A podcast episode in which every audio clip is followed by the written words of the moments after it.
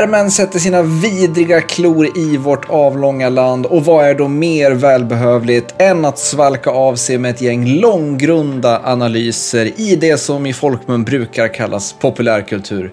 Och vi som står här och blickar ut över insjön vid strandbrynet är som vanligt jag, badkrukan Tobias Nordström och populärkulturens egen Mitch Buchanan, Billy Rimgard. Hejsan. Hur är läget? Mitch, jo, Mitch Buchanan, vem, vänta. Eh, är jag jättedålig som inte plockar vem det är? Om jag säger... Nej, och det var så jättesvår ledtråd insåg jag när jag så. Det är alltså är David Hasselhoffs karaktär i, i Baywatch. ah, just det. Just det, såklart. Jag kände igen namnet väldigt mycket, men eh, plockade inte rakt av. Ja, så, så kan man också börja. Och sitta här med narrhatten på. Men eh, Narrhatten? Det är väl en hyllning om vi jämför med Mitch Buchanan? jo, jo, men sen visste inte jag vem det var. Ja, nej, nej, Det är man nej, inte helt stolt över. Nej, Men- sant, sant. Ja, ja så Det, det, vara. sånt hör till, tänker jag. Ja. Såg du Baywatch-remaken som kom för några år sedan? Nej, jag gjorde inte det. Nej? Och däremot eh, trogen Baywatch-tittare när det begav sig. Eh, det Gick var ju liksom... någon, gick inte den på någon så här skön tid, typ 16 på vardagar eller någonting sånt där? Så man kunde komma hem och bara chilla. Ja, jag för mig, det, gjorde, det gjorde den väl när den gick på TV3. Ja. Eh, eh, vi hade ju inte sådana eh, häftiga betalkanaler i hushållet där jag växte upp. Så jag såg Baywatch när det gick på TV4 och då gick det söndagar på eftermiddagen någon gång. Min- Minns inte exakt tid. Men det var liksom så här... jag älskade ju, så här, det fanns ju så här, två amerikanska serier som liksom var, ska- hur ska man beskriva det, hyperamerikanska på något sätt. Det var ju dels då Baywatch eh, och sen så var det ju 90210.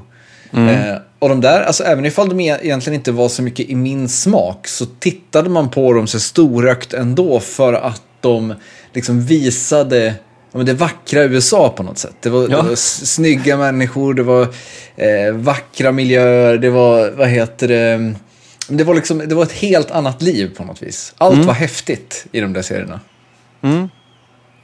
Det var ju, någon, någon relation till Baywatch? Ah, jag vet inte. Jag var inte så... Eh, jag var nog lite mer... Eh, nej. eh, Man har väl sett ett och annat avsnitt liksom. Ja. Men jag, oftast var det ju ganska grunt.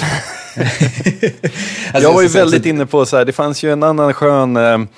Det fanns ju en skön, eh, ett skönt tv-seriekoncept eh, där på 80-talet som rullade jävligt mycket i början av 90-talet. Det här folk som är lite outlaw eller står lite utanför systemet som ska hjälpa svaga eller hjälpa till där det behövs.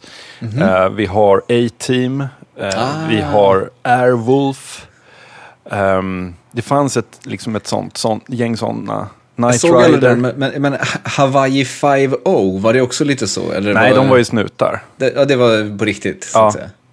Det är fast vadå, Airwolf hade väl också en jävla attackhelikopter, eller? Jo, fast det var ju, en, det var ju, eh, det var ju inte armén, utan det var ju Nej, en sant. rik snubbe som hade en... eh, ja, Som hade en attackhelikopter. Ja. Vad heter det? Eh, som man jag- har. Ja, som man har. Jag, jag såg ju aldrig A-Team, eh, har sett lite grann så här i efterhand. Och det som är så slående nu när man ser det är ju att eh, alltså, vissa avsnitt liksom på riktigt handlar om eh, ja, men så jävla moderna saker. Alltså, det, det kan vara liksom en gammal tant som har problem med sin hyresförening. Alltså, Ja. kanske inte just exakt det, men det ibland är det den nivån. Och sen nästa avsnitt, då är det liksom eh, den här, vietnamesiska maffian som härjar eller någonting. Alltså, det är verkligen, eh, vad heter det, tvära kast. Ja, det, det, det, det, är liksom, det är ju 30 år sedan jag såg det. Eh, Ja. Vill inte se det igen, eh, känner jag väldigt starkt. Du, Eh, du misstänker att tidens tand har tagit ett stadigt bett. Ja, jag misstänker det. Ja. Men däremot så, så omfamnar jag liksom eh, helt och hållet konceptet att stå lite utanför samhället och resa runt, roam the land, för Mm. att hjälpa de svaga.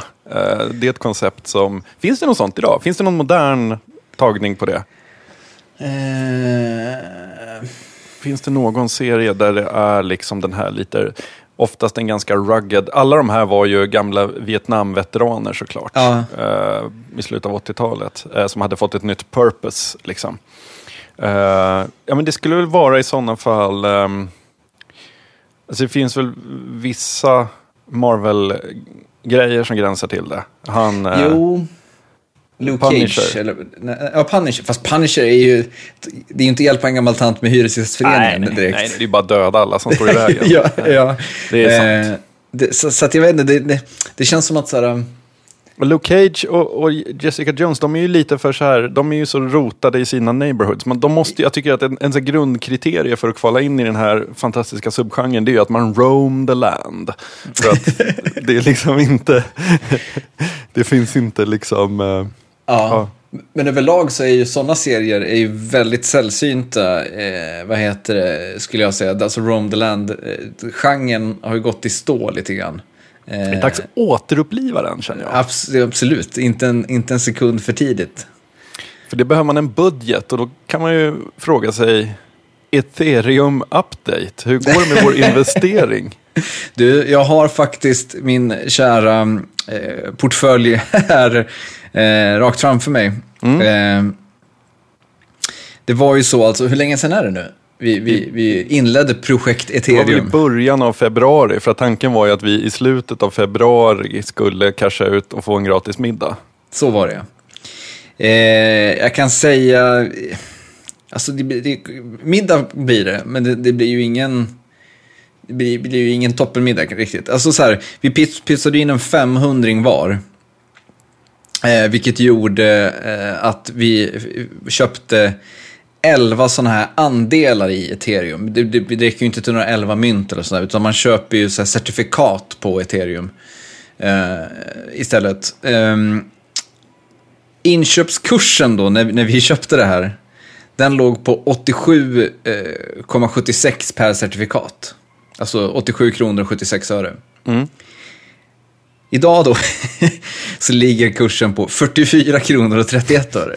Så att eh, det är alltså en eh, ganska precis en halvering av pengarna vi har eh, sett här. Ja, okej, okej. Men det blir ju en varsin burgare på Mr Texas, liksom, om, ja, Ja, och en inte öl vinst. var. ja, inte typ. vinst, utan liksom utifrån våra ursprungliga pengar. För cut our losses. Ja, men jag Ja, tycker men vi det- sitter på dem där ett tag, va? Ja, vi kör, kör väl liksom det som i bitcoin-communityt kallas för hold on for dear life, eller vad fan det är. Holder-genren eh, av människor. Mm. Och en annan eh, valuta som kanske får ett litet uppsving eh, var ju eh, när Dennis Rodman i veckan landade på, i Singapore för mötet Trump-Kim så hade han på sig en... Alltså vänta, bara där, vi, jag måste, vi måste pausa där. När Dennis Rodman landade i Singapore för toppmötet mellan USAs president och en av världens mest fruktade diktatorer. Det är alltså... det var två för- små barn på plats, det blev tre små barn. Men vad är det för värld vi lever i? Men Eh, det blir ja. bättre. Ja, visst. Därför att han landade iförd en eh, tröja som det står Peace starts in Singapore och sen så var det loggan för Potcoin, en cannabis-kryptovaluta.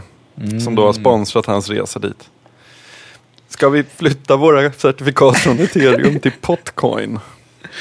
Eh, varför inte? Jag, blir direkt eh, sugen på att kolla upp kursen här på Potcoin. Eh, Det är ju någonting med liksom hela det konceptet. Som, det var någon som, jag såg det i en tweet, ett foto på honom där. Där det var någon som bara skrev peak 2018. Alltså jag skulle säga, här har vi ju möjligheten då att komma in eh, rätt, rätt bra.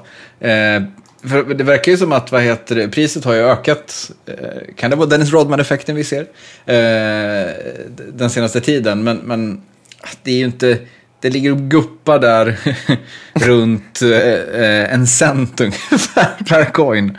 Eh, så att det är ju inte, det är ju inte superbra. Ska vi, Kan man inte eh, säga. ska vi sprida våra risker och lägga in en femhunka på Potcoin också? Alltså, jag, det, här, det här känns så... Ska sägas också nu när jag, när jag har, har den här...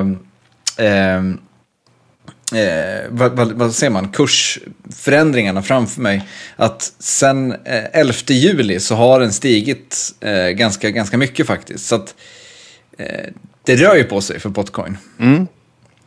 Eh, men jag tror ju också att om en vecka har ju alla glömt av Potcoin, eller?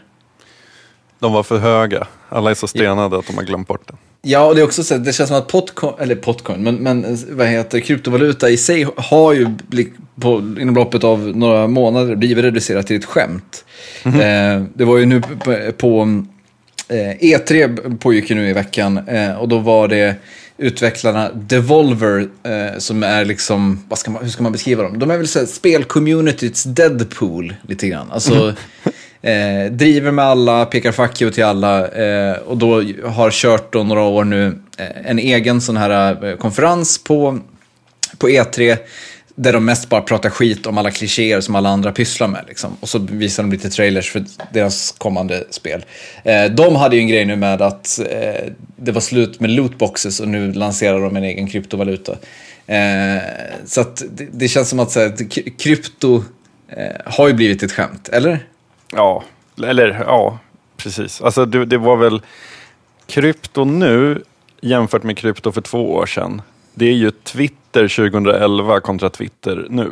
Mm, lite så. Du vad jag tänker? Att när man släpper Ja. in när man släpper in pöbeln och den får härja så blir det skit. Liksom. Det är liksom Steven Seagal och Dennis Rodman som, som, som tar täten. Intressant att du pratar E3, för att det är ju någonting som... Eh, jag förstår att du har hållit ögonen på det som fan eftersom du jobbar med, med P3 Spel.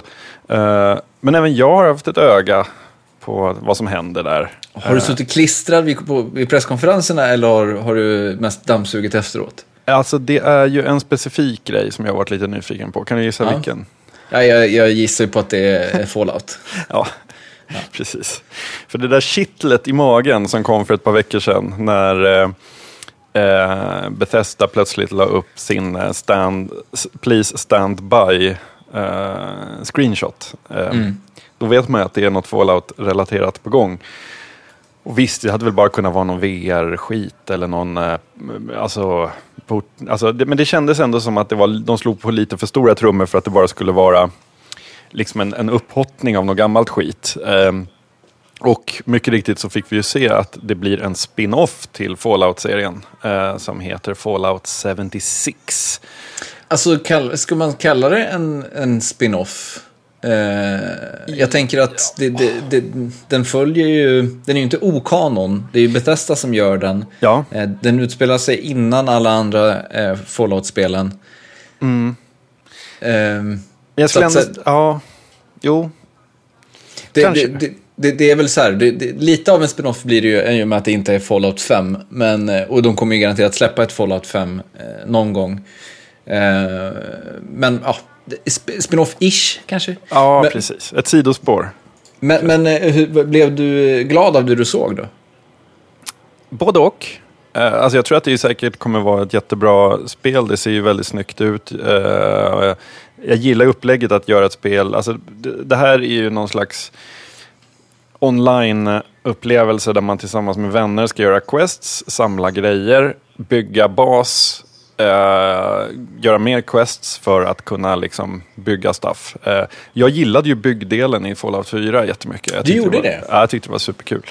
Ehm, så att, att jag förstår att man går vidare på någonting som, där konstruktionen har lite mer syfte. För att i Fallout 4, så det som anledningen till att jag ruttnade, eller liksom ruttnade, men alltså anledningen till att jag tror många ruttnade på eh, basbyggandet och eh, att jag ibland kunde känna mig ganska opepp på det. Det var ju att det ofta stod i vägen för the main quest. Man var liksom där ute för att göra någonting viktigt med versal V. Och då så är det någon jävla koloni som ropar på eh, hjälp. Liksom. Ehm, och det är ju, det, det, det var en liten distraktion. Sådär. Men sen när man var klar med main quest, nu tycker jag att det är jättekul att bara så här äh, bygga stuff. Vad hette, han, vad hette han, ledaren för Minutemen? Åh jävlar. Ga- Gavin, eh, vad, var det? Han ja. med cowboyhatt och röd jacka. Ja, han som alltid kom springande när man höll på med något viktigt och sa Ja. att nu jävlar. Ja, fortsätt. Mm. There's another settlement that needs your help. Eh, Exakt. Gud. det är lite så här, sorry Mario, but our princess is in another castle. Ja, men det var ju också, det finns ett YouTube-klipp eh, som jag ska försöka leta på och länka till. eh, Eh, där de har klippt ihop alla så här väldigt olägliga gånger som han kommer springande och ska prata om det här. Det, de står liksom mitt, i, mitt i någon slags eldstrid med supermutanter och sen rusar han in och avbryter. Då hamnar man ju i liksom dialogläget så att säga och så ser man bara skott och, skott och bomber viner runt om en. Liksom. Ehm, men det som talar, alltså, ja, ja, ja det, det, det är liksom folk tävlar ju i att bärsa det nu. Eh, liksom. Eh, och så jag, ska inte, jag, jag, tror att det säkert kommer vara ett jättebra spel. Det ser, det ser, det ser ju flawless ut så. Men det finns en grej här, för mig, i min värld, min relation till Fallout. I min, eh, det som Fallout är för mig, det är att jag är ensam någonstans med ett jävla flintlåsgevär. Och jag går och går och går och inte ett jävla skit händer. Och jag går och till slut kommer jag till några ruiner och tänker bra, här finns det loot, men det fanns det inte. Utan jag fortsätter gå.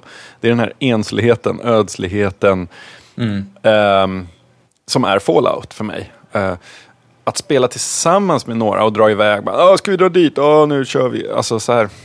Det är inte... Jag, uh, jag, för mig är nog inte Fallout-universumet en delad upplevelse. En delbar Nej. upplevelse.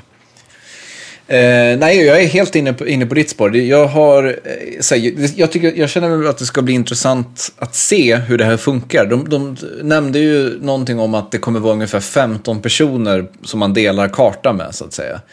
Eh, och det är ju inte särskilt mycket, men de sa ju även att den här världen kommer vara fyra gånger så stor som eh, kartan i Fallout 4. Så det är en, en, liksom, en stor karta eh, med ganska få spelare på. Så att, det kommer, nog, det kommer ju samtidigt vara att man inte stöter på folk hela tiden. Så lite ödsligt kommer det nog vara och det är väl för att de vill skapa en, eh, ja, men en dramatik runt att det liksom faktiskt ska betyda någonting när man stöter på en annan. Ja. Eh, men det jag också är lite skeptisk till, eh, det är ju det här, och det, vilket jag knappt tror de kommer hålla på, eh, vad heter det, när spelet väl släpps.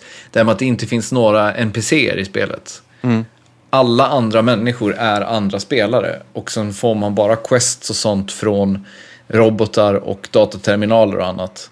Mm. Eh, jag vet inte, det, för mig finns det ett så himla stor vinning i Fallout när man hittar en ny stad, går in där, lär känna eh, befolkningen, kanske märker att det är något skumt i den här staden, det är några som liksom har något fuffens för sig. Alltså den typen av storytelling som, som man får genom att hitta de här de här små bebyggelserna runt om i, i Fallouts eh, världar.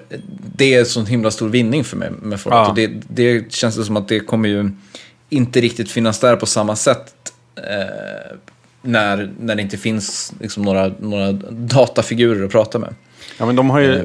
Man, man um just det här att bli mött av någon som bara “Howdy stranger” och man bara ah, mm. “Trevliga prickar här”. Men sen börjar man, som du säger, man skrapar lite på ytan. Man anar att aha, här är några som har byggt upp en egen tolkning av vad civilisation är nu för mm. tiden. Och på massa olika ställen på kartan, eller på, i världen, så finns det olika folk som har byggt upp olika tolkningar av vad civilisation är mm. nu. The Republic mm. of Dave i Fallout Exakt. 3 exempelvis. Dave har utropat ett eget land. Ja, det, så att jag, alltså så här, säkert ett jättebra spel, men fan, jag tror inte jag kommer vara på det faktiskt på det sättet. Ja, jag, kommer, jag kommer testa i alla fall, men jag tänker också att de har ju säkert deras tanke med det här eh, kommer de ju säkert rent lårmässigt underbygga med att eh, man är i Fall 76, man är de som liksom Eh, som, som ju liksom är ett lyckat valv. Det är ett valv som, som ska vara stängt i 25 år medan eh, bomberna eh, och radioaktiviteten försvinner. Eh, och sen så ska de gå ut. Och det är ju tydligen, som, som man ser på trailersna, så är det ju det som har hänt. Alltså alla har lämnat valvet för att valvet har tjänat sitt syfte. Det, det ja. har fungerat som skyddsrum så att säga. Så att de är ju först ut och därför så är det väl också så halvrimligt att det inte finns någon riktig civilisation där ute heller.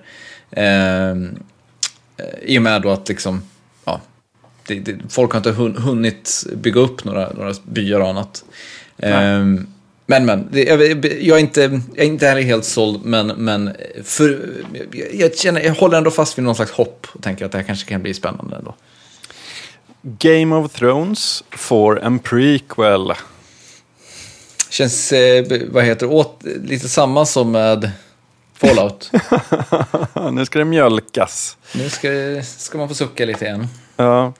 Ehm, jag har tidigare luftat min skepsis för prequels eh, eftersom så här, jag inte gillar när man, alltså, rimligt, rimligtvis, det här finns, här finns ett universum. Någonting i det här universumet är värt att berätta något om. Vi berättar om det. Tänk Battlestar Galactica. Ehm, lite senare så säger man, nu ska vi berätta om något annat i det här universumet. Och det blir en prequel. Och då är man så här, men ni har ju, alltså det fetaste är ju redan berättat. Alltså så här, det blir ju lite så här urvattnat liksom. Lite som vår podd inte längre är lika bra som för fem, fem sex, sju, åtta år Är det, sedan. är, det, är det dags att vi gör en prequel till podden? En prequel till podden, precis. Bara, men isolerade människor på utsatt plats möter okänd fara. Vad tror du om det? Ja. Jävla dåligt va? Ja, ja. Ja. Nej, men, ehm, däremot, det, som jag, det, det man tänker är ju ändå så här att om det hade varit jorden, eh, vår civilisation, som Game of Thrones handlat om och säger att Game of Thrones var 1700-tal, är det då liksom Finns det då någonting att berätta om på 1500-talet? Ja, det är klart att det gör det. Alltså, så här, det, det, det kanske händer, alltså, eh, konflikterna som, som nu finns kanske är frukten av minst lika eh, liksom, röriga konflikter. Så att, ja, absolut, det kanske går att göra i det här fallet. Eh, men eh, hittills så finns det väl, fin, har du några bra exempel? Finns det några bra prequels? Man brukar alltid säga att det aldrig finns några uppföljare som är lika bra som ettan, men där tycker jag att man kan hitta, argumentera för saker och ting. Men finns det några prequels som är lika bra som huvudakten? Gud vad svårt. Eh, nej. Alltså jag, jag tänkte så här, det jag var beredd på att säga handlade snarare om så här hur jag tänker att... Eh, hur, alltså det är som att... Det, det känns som att det sveper en liten, en liten motvåg mot prequelen eh, över världen med... Alltså jag, jag tänker framförallt på att, att filmen Solo, om han Solo, eh, ju har gått ganska dåligt på bio. Eh, så jag tänkte snarare ta det aspektet. Men, men någon prequel som är bra? Kan... Alltså kanske eh, Apornas planet-filmerna. Alltså Ah. de, den trilogin som, som har släppts. Första filmen var väl helt okej, men andra filmen tyckte jag var riktigt bra. Eh, tredje var också helt okej. Eh, och visst, alltså eh, Apornas planet-originalet, kultfilm, men liksom inte, inte toppenbra. Definitivt i, i, paritet med de nyare filmerna skulle jag säga. Eh, så det, det är väl ett exempel, men, men Alltså, för, för, för of- oftast är det ju liksom så här, nu för tiden så är det mesta som är prequels mest så helt okej. Eh, för att de, har liksom lärt sig läxan eh, efter så många misslyckanden att de ta- tar ändå in liksom kompetent folk som fattar vad, vad fans och andra skulle vilja ha från en prequel. Eh, men det, det, det blir aldrig särskilt spännande. Nej. Jag tänker att prequels funkar inte heller för att du vet på sätt och vis att allt kommer gå bra. Du kan inte bygga riktig konflikt. Alltså, det enda du kan göra är egentligen förklara hur saker blev som de blev. Eh, Men i och med att du, du inbyggt i konceptet vet var det här kommer att sluta någonstans, eller vart det kommer leda åtminstone, så, så finns det ju liksom, du har tagit bort en del av spänningen i vad en berättelse är. Ja. Eh, och det, det är ju, det, det är ju där, där finns det ju någonting, någonting eh, som skaver. ja, men jag håller med. Det... Har du, har du några bra prequels Nej. lager? Jag funderade på det och kunde inte komma på någon. Eh, jag tycker de mesta har varit, alltså så här, det finns ju många som, jag menar The Thing-remaken, eller liksom nya The Thing. Det är ju så här, ja, bra att, bra att de gjorde en prequel istället för att försöka göra om den, men så här, ah, Mm. Det, det är svårt, för man vet ju var det kommer landa någonstans. Liksom. Men vad föredrar du då? Prequel eller remake? En remake tror jag. Jag tror, jag tror att det finns det bättre så, remakes. Eh, en remake med en, en, en fräsch take på det är ändå bättre än någonting som ska försöka så här, eh, skohornas in i en lore som vi redan känner till. Och man ska försöka få den att liksom fungera. Eh, Alltså, men som jag har fattat det så ska väl den här um, eh, Game of Thrones prequelen ska väl berätta eh, bakgrundshistorien till The White Walkers eller någonting sånt där. ja, Eh, och jag tycker ju att ska man göra en prequel så är det ju mer tacksamt att ta en avstickare än att, eh, vad heter det, försöka göra någonting som ska fasa i eh, huvudberättelsen så att säga. Alltså, mm. Och, men det menar jag att, eh, för att återgå till Star Wars som exempel då, eh, solofilmen verkar, jag har inte sett den än, men, men verkar funka sådär. Eh, till och med ganska dåligt, medan en film som Rogue One fick ganska bra kritik och ganska bra bios biosiffror. Mm. Så att, så här, um, och då har man ju valt någonting så här som man har hört om i det här universumet, men det har, och det har bäring på vad som händer i universumet, men det är inte någonting som eh, direkt fasar i eh, eller visar his historien om karaktärer vi redan har träffat och så vidare. Mm. Um, så att det, det, det, jag vet inte, White Walkers känns som så här halvtacksamt i alla fall. Jag har suttit och varit jävla neggig nu ett tag, så jag skulle vilja ta någonting, prata om någonting som gjorde mig väldigt glad. Får jag göra det? Absolut. Jag kommer att fortsätta vara neggig. Ja, det kanske inte klär mig att vara glad, men jag, jag, kan göra ett litet försök. Mm. Eh, Simone Giertz, eh, som gör de här roliga robotarna, eller roliga maskinerna som typ inte funkar. Är de så roliga egentligen? Jag tycker de är jätteroliga. Ja. Sa du. Med. Jag kände direkt att jag ville markera, min, att du direkt visade att du är den glada här, jag är den skeptiska. Det ansiktsuttrycket önskar man hade gått igenom eh, ljudet. Ja. Uh, vad, vadå, hur såg det ut? Eh, väldigt svårt att beskriva. Det var uh. En eh, blandning av, av eh, häpnad, oförstående, ifrågasättande på ett väldigt uh, giltande sätt. Jag ber om ursäkt. Ja. Men jag står på mig, jag tycker de är kul. Ja, Simon, Simon Gertz robotar är roliga. Ja. ja. Um, och hon har gjort ett TED-talk och jag hatar ju TED-talks. Det är ju det värsta jag vet. Uh, mm. Men hennes TED-talk var väldigt fint. Eh, det heter Why you should make useless things. Uh, och hon pratar just om värdet i att göra saker som är meningslösa. Uh, och det är så här, på, på många sätt kanske så här, uh, det besvarade på många sätt frågan, är det här tramset vi sitter med här värt någonting? ja, det är det. Låt oss prata med er virus och apokalyps.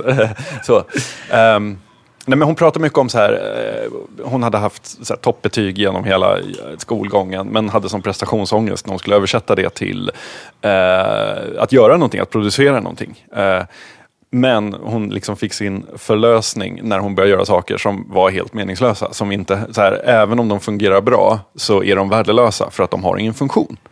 Och jag kunde känna igen mig så in i helvete mycket i det där. Hur mycket lättare jag har att göra grejer som inte betyder någonting. Eh, än jag har att så här, att göra någonting vettigt. Liksom. Eh, mm. Och för, för, hennes poäng, och som jag helt håller med, just så här, eh, som, som, är så himla svårt att få fram, där jag, eh, liksom med det jag jobbar nu exempelvis. Det är det att när man, när man gör någonting som är meningslöst och som kanske inte funkar, eller så här, eh, så har man ändå, alltså så här, det kanske inte är svaret, men man har ändå ställt frågan. Och där börjar ändå något viktigt i att ställa eh, ställa frågan så. Liksom. Mm. För eh, folk är ju oftast så extremt fokuserade på eh, the output, vad den betyder och vad liksom eh, eh, löser det här lösningen på alla våra problem. Eh, men måste man alltid komma med lösningen på alla våra problem? Man kan väl liksom ha lärt sig någonting på vägen eller man kan ha en skön process eller så. så mm. att, ja, men en jättebra surr tyckte jag. Jag blev glad av det och jag eh, ska lära mig omfamna att göra meningslösa saker som att binge-kolla Deadliest Catch efter detta. Jag är, jag, jag är halv med dig här eh, på, på den här omfamningen av att göra värdelösa saker. För jag, jag så här, vad heter det? För jag är väldigt kluven. Jag tänker å ena sidan så här, är det så jävla många som saknar ambition här i, här i världen. Ja. Eh, och fel människor tycks ha ambition snarare. Ja. Eh, och det, det, är, det är någonting dumt. Å andra sidan så är jag, precis som du är inne på här, otroligt less på den här väldigt, eh, vad säger man, eh, utilitaristiska eh, världssynen. Alltså att allting ska ha liksom massa nytta. Eh, och intention och annat är liksom inte värt någonting nu för tiden. Utan det är liksom bara effekt eh, som, som man, man kikar på så att säga. Um, och det, det är ju liksom så här, det är ju helt, ett helt värdelöst sätt tycker jag att se på, på saker och ting. Eh, därför att så här, ja, då, det, det leder aldrig till särskilt mycket gott, tycker jag. Eh, så att så här, jag, jag, är helt med på det här med att göra värdelösa saker eh, för att det leder till massa bra saker.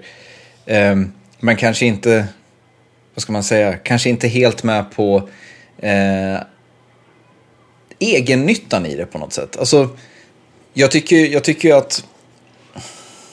Nej, jag vet inte, jag snurrar in mig. Jag släpper ja. det. Kan vi inte prata om att TED Talks istället, det känns som att det har gått från... Eh, den har gjort den här resan som hon beskriver lite grann, tänker jag. Alltså i det att från början var ju TED, TED Talks så jävla ambitiösa. Det var liksom 45 minuters samtal där någon pratade om att den hade liksom upptäckt någonting helt mindblowing om universums minsta byggstenar mer eller mindre. Eh, det finns något TED Talk där de pratar om att atomer kanske har ett medvetande. Alltså det, det var den nivån på något sätt. Nu är vi nere på sån här Simon Gertz TED Talks där det är 10 minuter om någon som har byggt en kul robot.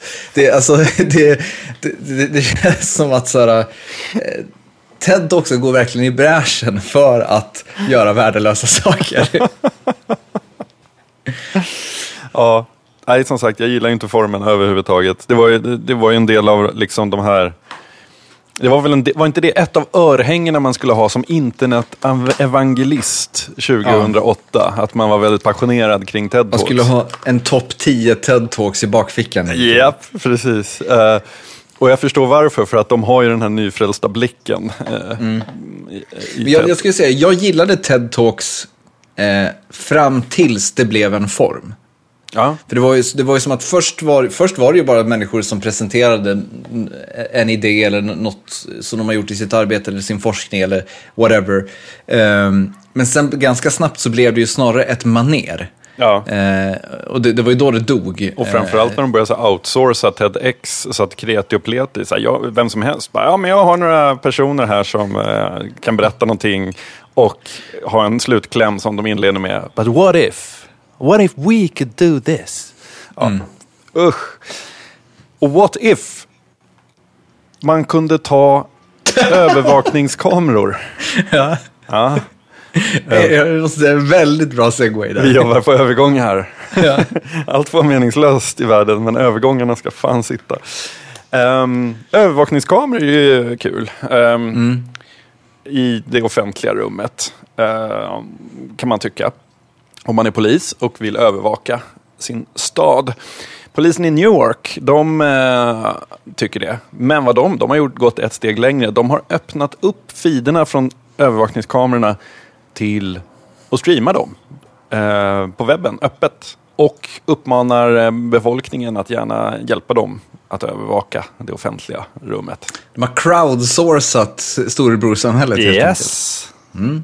Hur känner, det, det, hur känner det, vi? Det, ja, det, det, polisen i New York vill det är att hela New Yorks befolkning ska bli som den här 15-åringen som åker moped och ringer polisen i, i Täby. Exakt! Eh, det, det, jag vet inte, det är... Alltså, magkänslan här är ju att tycka att det här är skrämmande såklart. Jag tycker också att det är lite mysigt på något vis. Ja, men på något sätt så är det så himla skönt. Alltså, så här, mänskligheten, någonstans för tio år sedan typ, så öppnade vi liksom en dörr in i ett stort mörkt rum och började träva oss in. Och vi mm. bara fortsätter att tänka, men snart hittar vi det. Snart hittar, alltså, så här, eh, vandrar planlöst in i detta okända helt, liksom, snart är vi så långt borta från den här dörren att vi inte ser ljusstrimman längre. Eh, Nej. Och det finns något härligt i det också, att vi så aktivt och utan större reflektion bara kör. Liksom, mot... ja, men det, för det, är, det är också så här, alltså, ah, det är så mycket som händer i världen just nu som är så mycket det, det som, framförallt vi då som läser science fiction och annat, har, har liksom tagit del av i otaliga berättelser om, eh, som leder till liksom de mest vidriga undergångarna av vår civilisation. Eh, och det är som att nu, nu liksom har vi plattan i botten mot alla de här scenarierna. Ja. Det är liksom så här, miljöförstöring, det, det, alltså det är allting bara. Övervakning i samhället, jajamän, polisstat, jajamän, icke fungerande demokrati, nej, nah, det är väl inte så noga. Alltså allting är bara så här, tuta och kör. um, Men jag kan, men så säga, jag kan ändå inte låta bli att tycka det här är lite mysigt i det att så här, på ett sätt hellre att folket sitter och kollar på de här jävla videorna än att någon, någon slags, eh, vad heter det, polisstat gör det. Eller? Eller, ja, det, ja, du menar så. Att det blir någon slags social kontroll. Ja, men exakt.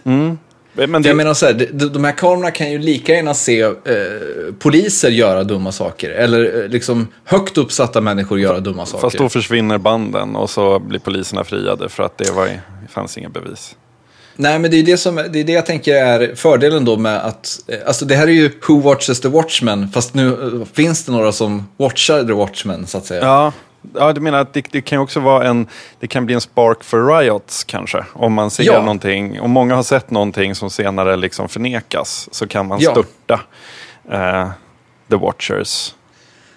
Jag, jag tänker att det, det är liksom så här, um, det, det, det är någon form av offentlighetsprincip som, som finns eh, gömd, eller jag tror inte de har tänkt på någon form av offentlighetsprincip, men de har, eh, vad heter det, själva lyckats med att få till någon form, form av offentlighetsprincip av övervakningssamhället. När de har liksom öppnat upp övervakningssamhället till samhället som övervakas, så att säga. Ehm, och det, det, det, det finns något, något där som är eh, lite bättre i det dåliga på något vis. Eller så blir det ett jättedåligt avsnitt av Black Mirror. Ja, det är det ju också framförallt. Det här känns ju verkligen som någonting som Black Mirror skulle ha kunnat ha kommit på. Förstå, shit vad Black Mirror kommer vara så daterad om fem år. När allt som, har, som vi har sett i Black Mirror har hänt Ja. på riktigt, ja. Precis.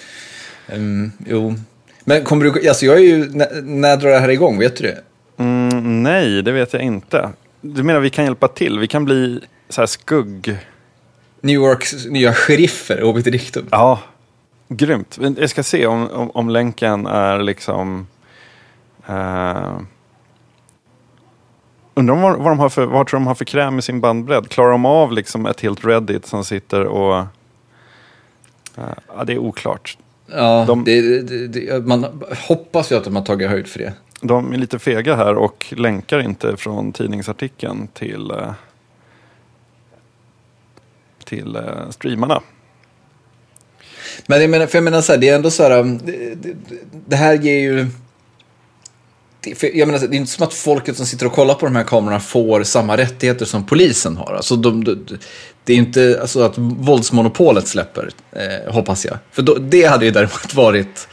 Eh, alltså man förvandlar hela befolkningen till någon form av milisgrupp som, som ska liksom springa runt som vigilantes på gatorna och, och eh, arrestera och slå ner Är inte det nästa steg? Att här, om du ser någonting där, då får du Ja. rätt att ingripa med våld.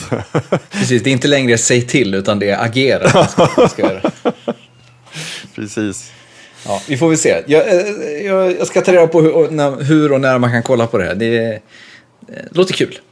Fan, det där var, det var ju lite jobbigt en gång när, du vet FRA-lagen, när den des- diskuterades som mest. Så ehm, jag skulle göra mig lustig över det där i något eh, blogginlägg. Eh, så skrev jag så här, ja men så här, det vore, nu är det så stökig, stökig ton i, i debatten. Så här, kan vi inte hjälpa FRA om alla så här, vi forwardar vår mail till dem. Eh, vi som inte har något att dölja. Så här, då, då kan de ju läsa det direkt i mailen istället för att hålla på och signalspana.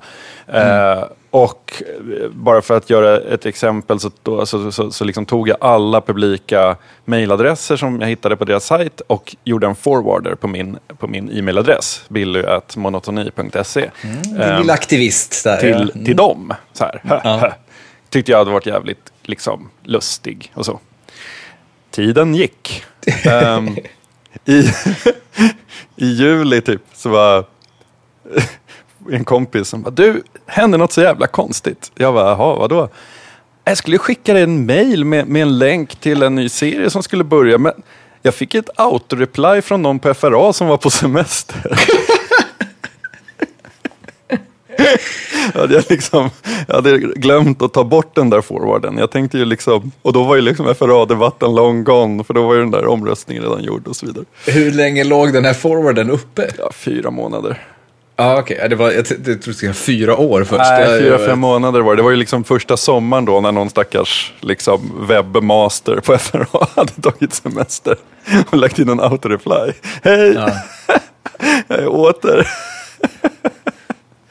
Ja, fy fan. Jag är inte Dock stolt, bra- men jag Ja, är... det, det, det är dock, dock ett problem, eh, vad heter det, slår det mig nu från myndighetshåll, att man lätt kan kartlägga när folk har semester och därmed inte är hemma och annat genom att bara dra ett mail till deras offentliga e-postadress och sen få ett autosvar. Ja. Känns inte rätt säkert. Vad ska du göra med FRAs webbmaster då? Ska du liksom gå in och ta någon... Eh, alltså...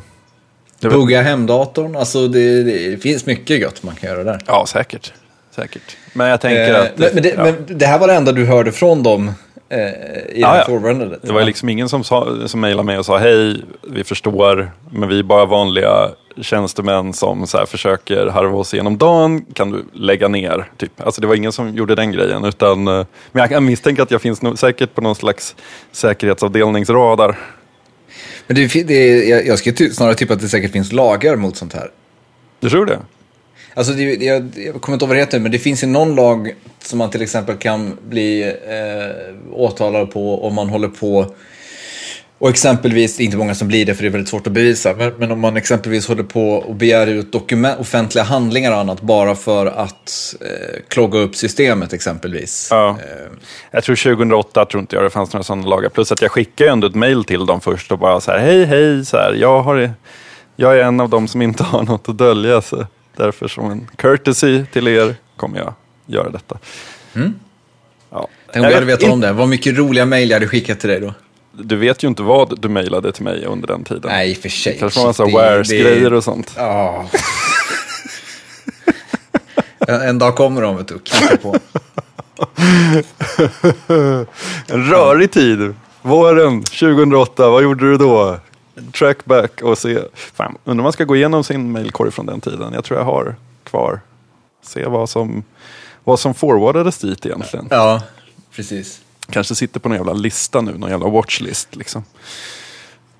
Men det är också kul då att du forwardade då tydligen även mail som andra skickade till dig. Ja, det var inte nog med att du inte hade någonting att göra. Du räknade även med att alla dina vänner och bekanta inte hade någonting att göra. Allt som var ställt till min mail forwardade, forwardade jag till typ 30 Mm. FRA-adresser. Toppen. Jackpot. Ja, jag har blivit äldre. Jag ska inte säga att jag blivit visare, men eh, detta skedde. Ja. Eh, någonting som också skedde var ju att eh, vi gjorde ett avsnitt för ett par år sedan som hette Liv i rymden. Kommer du ihåg det? Mm, absolut. I Liv i rymden-avsnittet så pratade vi om någonting som hette The Fermi Paradox. En eh, italiensk, var han matematiker? Fysiker? Astrofysiker? Fysiker, Ja, fysiker jag. som hette Fermi, som hade formulerat en paradox i att om rymden är oändligt stor och eh, det finns oändligt antal möjligheter för liv att uppstå, varför har vi då inte träffat på några liv? Så löd inte paradoxen, men det är typ det bästa sättet som Ja. jag som inte kan astrofysik kan begripa den på. Eh, helt enkelt att space should be teeming with life, typ. Ehm, Och till det här så eh, fogades ju någon eh, Drake-ekvationen. Någon snubbe som heter Drake, inte den Drake, en annan Drake. eh, som då, han var matematiker i alla fall och han beskrev Slå mig nu, det är ju ett lysande album på ett kommande Drake-album. The Drake Equation. Ehm, och i den ekvationen så handlar det väl mer handgripligt om förutsättningarna för liv. Och den bekräftar ju att, att liksom det Fermi har, har sagt på något vis. Att så här, ja, men det borde vara liv överallt. Eh, typ. I dagarna så kom det en... Eh, Jag vill bara säga så att vi får med oss tydligt vad Drake-ekvationen är. Jag ger Wikipedia mm, eh, Ja. definitionen. Drake-ekvationen är en eh, kontroversiell ekvation eh, skapad av radioastronomen Frank Drake eh, för att uppskatta antalet högteknologiska civilisationer i, in, i, i Vintergatan vid en given tidpunkt. just Eh, och det den här då tar eh, hänsyn till det är hur många stjärnor det finns i Vintergatan, hur många planeter det finns som eh, påminner om jorden eh, och så vidare. och så vidare. Ett antal liksom, parametrar helt enkelt eh, som då används. Man, man teoretiskt sett kan anvä- eh, användas för att räkna ut hur mycket liv det finns. Och för, till Fermi-paradoxen så kommer ju då ett gäng härliga spekulationer ju, om varför då om, om det stämmer att rymden borde vara full av civilisationer som blomstrar och lever, varför ser vi dem inte? Och då finns det ju ett antal olika hypoteser kring det här som är eh, kittlande på många sätt. Eh, och det är det som vi tar upp väldigt mycket i Liv i rymden-avsnittet. Lyssna på det. Mm.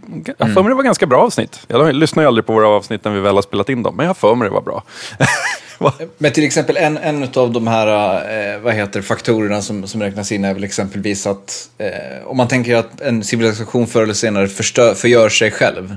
Mm. Eh, då innebär det att om en civilisation har några hundratusen år av eh, som livsspann så innebär det att då måste de här hundratusen åren sammanträffa med några andra hundratusen år och det är si och så mycket troligt exempelvis. Alltså den typen av, av saker är det som, som tas upp som eh, i den här paradoxen helt enkelt. Ja.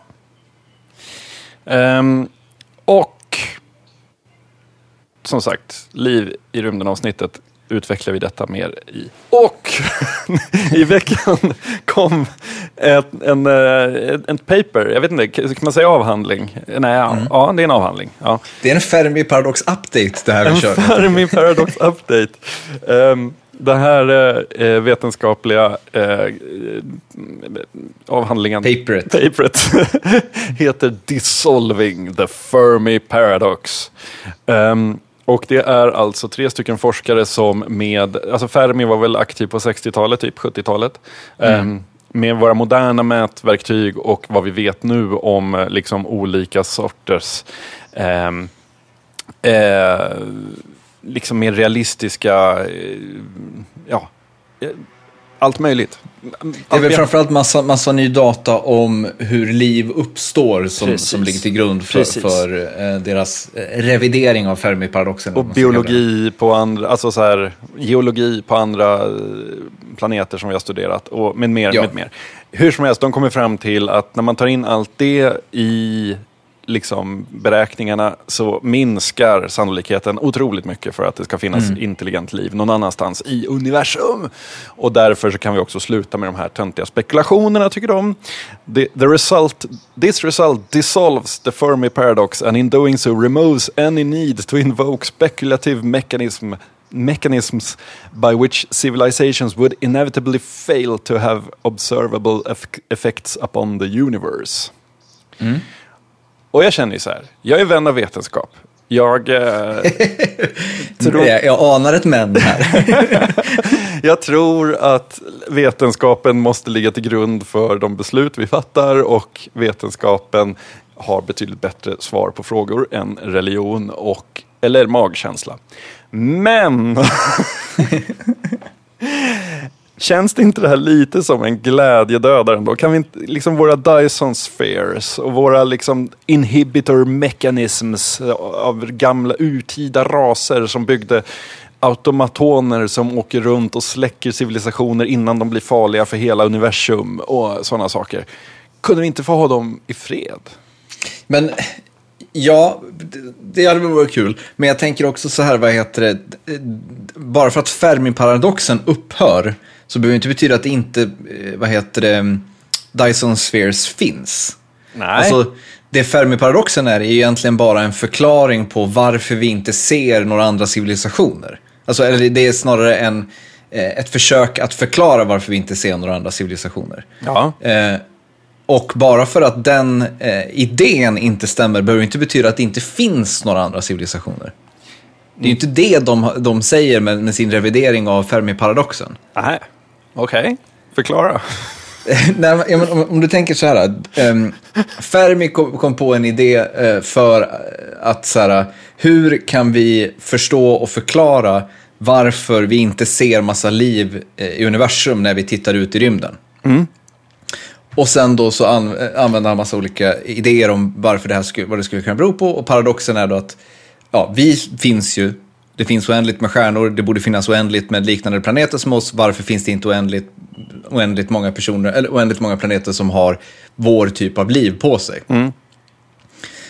Och bara för att det inte finns oändligt antal planeter som har vårt liv på sig behöver inte betyda att det inte finns planeter som har vårt liv på sig. Är du med på vad jag menar? Alltså det de pratar om i, jag har inte läst hela det här paperet, men det jag läst av det, är ju att det de framförallt har gjort är att de har ju ändrat grejer i, eller ja, de har snarare stekt hela Drake-ekvationen, men att de har, att de, de liksom, eh, variablerna som finns i Drake-ekvationen, det det är de de dömer ut framför allt. Därför att vi nu vet bättre och kan ha andra, ehm, eh, andra variabler i den här ekvationen som ger en mer eh, sanningsenlig eh, bild av hur liv i universum skulle kunna eh, se ut och fungera. Då kanske inte är Ehm. en så bra albumtitel trots allt för Drake. Nej, eh, så är det ju. Det är tyvärr eh, ett problem. Jag tror inte Drake bryr sig om det. Drake tycker bara Drake Equation låter coolt. Eh, Men så att poängen är ju att så här, bara för att de har insett att Drake-ekvationen inte fungerar eh, behöver inte betyda att de har bevisat att liv inte finns ute i rymden. Nej, nej, men de, de menar ju ändå att så här, alltså att De har snarare, de har snarare konstaterat att liv ute i rymden, för det, det, det, huvudsaken här är ju att de har sett att det vi, det vi vet med den moderna datan är att förutsättningarna för liv är väldigt, väldigt komplexa. Det, det är liksom så, liv uppstår inte, verkligen inte hur som helst. Och bara för att det finns förutsättningar för liv behöver inte det betyda att det blir liv. Eh, snarare tvärtom. Liksom. Fast du måste ju ändå eh, medge att det är en betydligt mer så här glädjedöd, alltså mindre lustfylld inställning att ha det är sjukt sällsynt med liv. Än det borde vara liv överallt, varför är det inte det? Ja, eller så får man se det som att eh, liv blir ännu mer magiskt när det blir så pass sällsynt. Ja, jo. Alltså, vi, om Men, vi ser men då, då, för- då börjar vi vandra in mot liksom, eh, religionen här tycker jag. Om, om, om livet är magiskt, då är vi utvalda och speciella. Om, om, i- jag skulle säga, i det här fallet menar jag med magiskt menar jag eh, någonting som är så sällsynt att det blir utmärkande så att säga. Eh, det, det, det jag menar är att det gör ju snarare att eh, man värderar liv, borde värdera liv högre när man vet hur otroligt, otroligt sällsynt det är. Ja, jo absolut. Jag, tänk, jag, jag tänker också på det här, i det här fallet på, eh, i Liftarens guide till galaxen så finns det någon passage i någon av böckerna som handlar om Eh, lite så definitioner av, av eh, olika former av universum. Och då är det så här, universum befolkning, ingen. Eh, och då är det så här, liksom den långa förklaringen är, är i grunden då att det finns lite utspritt liv här och var med olika civilisationer och annat. Men om vi står ute på hur mycket av universum som inte är liv så, så statistiskt sett så är det liksom livet snarare en anomali i universum än någonting som borde vara värt att räkna. Så att säga. Och då menar jag att om, om man är en sån statistisk liksom, eh, plupp att man inte ens syns, eh, då kanske livet inte är värt så mycket ändå. Då kanske vi bara kan hugga ner varandra Nej, för att det, det- märks det- ju inte. Nej, så är det ju. Så är det ju. Jag menar, om, man, om man Eh, tittar på så här, universums befolkning förändras ju inte om jag går ut och hugger ner någon här på gatan. Jag gillar hur vi bytte position här. Att jag skulle vara den, den, den negativa, skeptiska och du skulle vara den glada. Nu är det helt plötsligt jag som är positiv och du som, som liksom ser glaset som halvtomt. Jag väljer mina strider. Ja, liv, universum, nej tack. Göra värdelösa saker, ja tack. Precis. Det är en, exakt min inställning till, till världen. Ja. Ja. Nej, men så, sammanfattningsvis, eh, visst, det är väl så här, lite synd att man har kommit fram till att liv är lite mer sällsynt än vad vi eh, tänkte oss från början. Men eh, ja, det kan ju fortfarande finnas där. Ja. Jag gillar också att så här, vi har ju aldrig sett liksom, ett spår av något annat liv, men vi kan konstatera ändå att det är, det är mer sällsynt än vi trodde. Ja, men det, det, jag skulle tippa, jag, som sagt jag har inte läst hela paper, men jag skulle tippa att det är en av deras tyngsta argument här är att eh, liv, eh, vi, vi vet att liv finns för vi lever, men när vi tittar ut så ser vi inget liv överhuvudtaget. Det måste betyda att liv, eh, liksom, civilisationer inte finns hur mycket som helst i vår galax. Eh, och det är det de vill förklara snarare, tänker jag. Ja. Om det inte är en simulering allting. Ja, det, let's not go there. Nej. Vi, vi öppnar inte på källarluckan. Nej, tar vi ett annat avsnitt.